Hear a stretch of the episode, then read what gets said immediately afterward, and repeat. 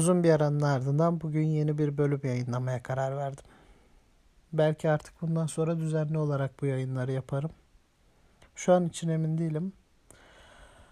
Ee, bu makale benim çok hoşuma gittiği için sizinle paylaşmak istedim. İyi dinlemeler.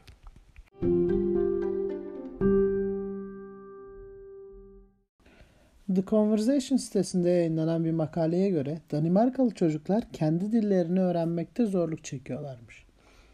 Bunun sebebi olarak e, dillerinin ünlü dolu olması gösteriliyor. Yani ünlü ses çok fazla dillerinde.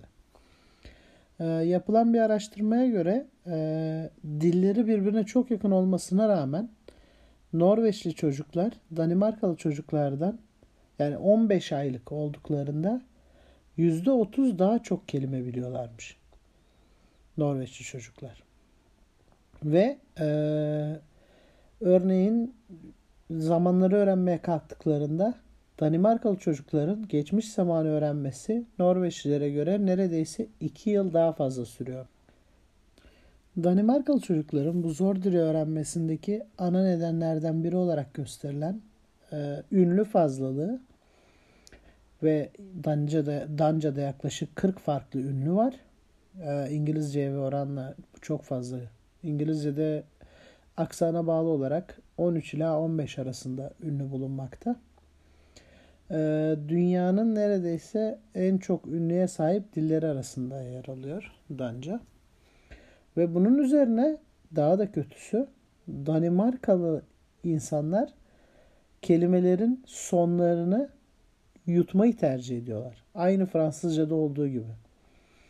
Yaklaşık %30 %35'lik bir kısmı kelimenin yutuluyor yani konuşurken. Bu sadece bir de e, insanlar arasındaki bir konuşmada ortaya çıkmıyor.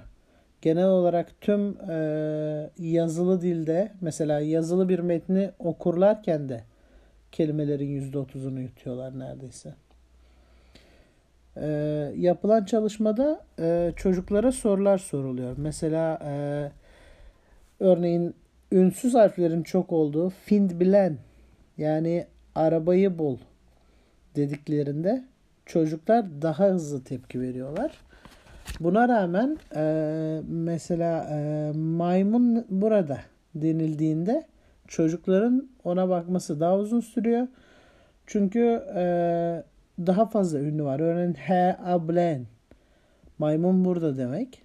Burada daha çok ünlü olduğu için çocukların neredeyse yarım saniye daha yavaş tepki vermesine sebep oluyor. Bununla ilgili yapılan çalışmalar çok fazla. Sadece bu dergide yayınlanan çalışmalar yok. Daha farklı yapılan çalışmalar var. Örneğin ünlü tabanlı öğrenmede yavaşlık gibisinden. Yeni bir sorun ortaya çıkarıyor. Dil öğrenmeyi yavaşlatır mı? Yani mesela diyelim ki şu anda biz bir şey öğrenirken bunu Türkçe öğreniyoruz. Eğer biz bunu Türkçe öğrenmesek belki daha hızlı öğreneceğiz. Yani bunlar ortaya çıkan problemler öğrenme zorluklarında. Bu paylaşımda bana katıldığınız için teşekkür ederim. Ayrıca dinlediğiniz için de. Takip edin belki yeni bölüm gelebilir. Emin de değilim. Yorum yapabilirsiniz. Teşekkür ederim dinlediğiniz için tekrardan. İyi günler.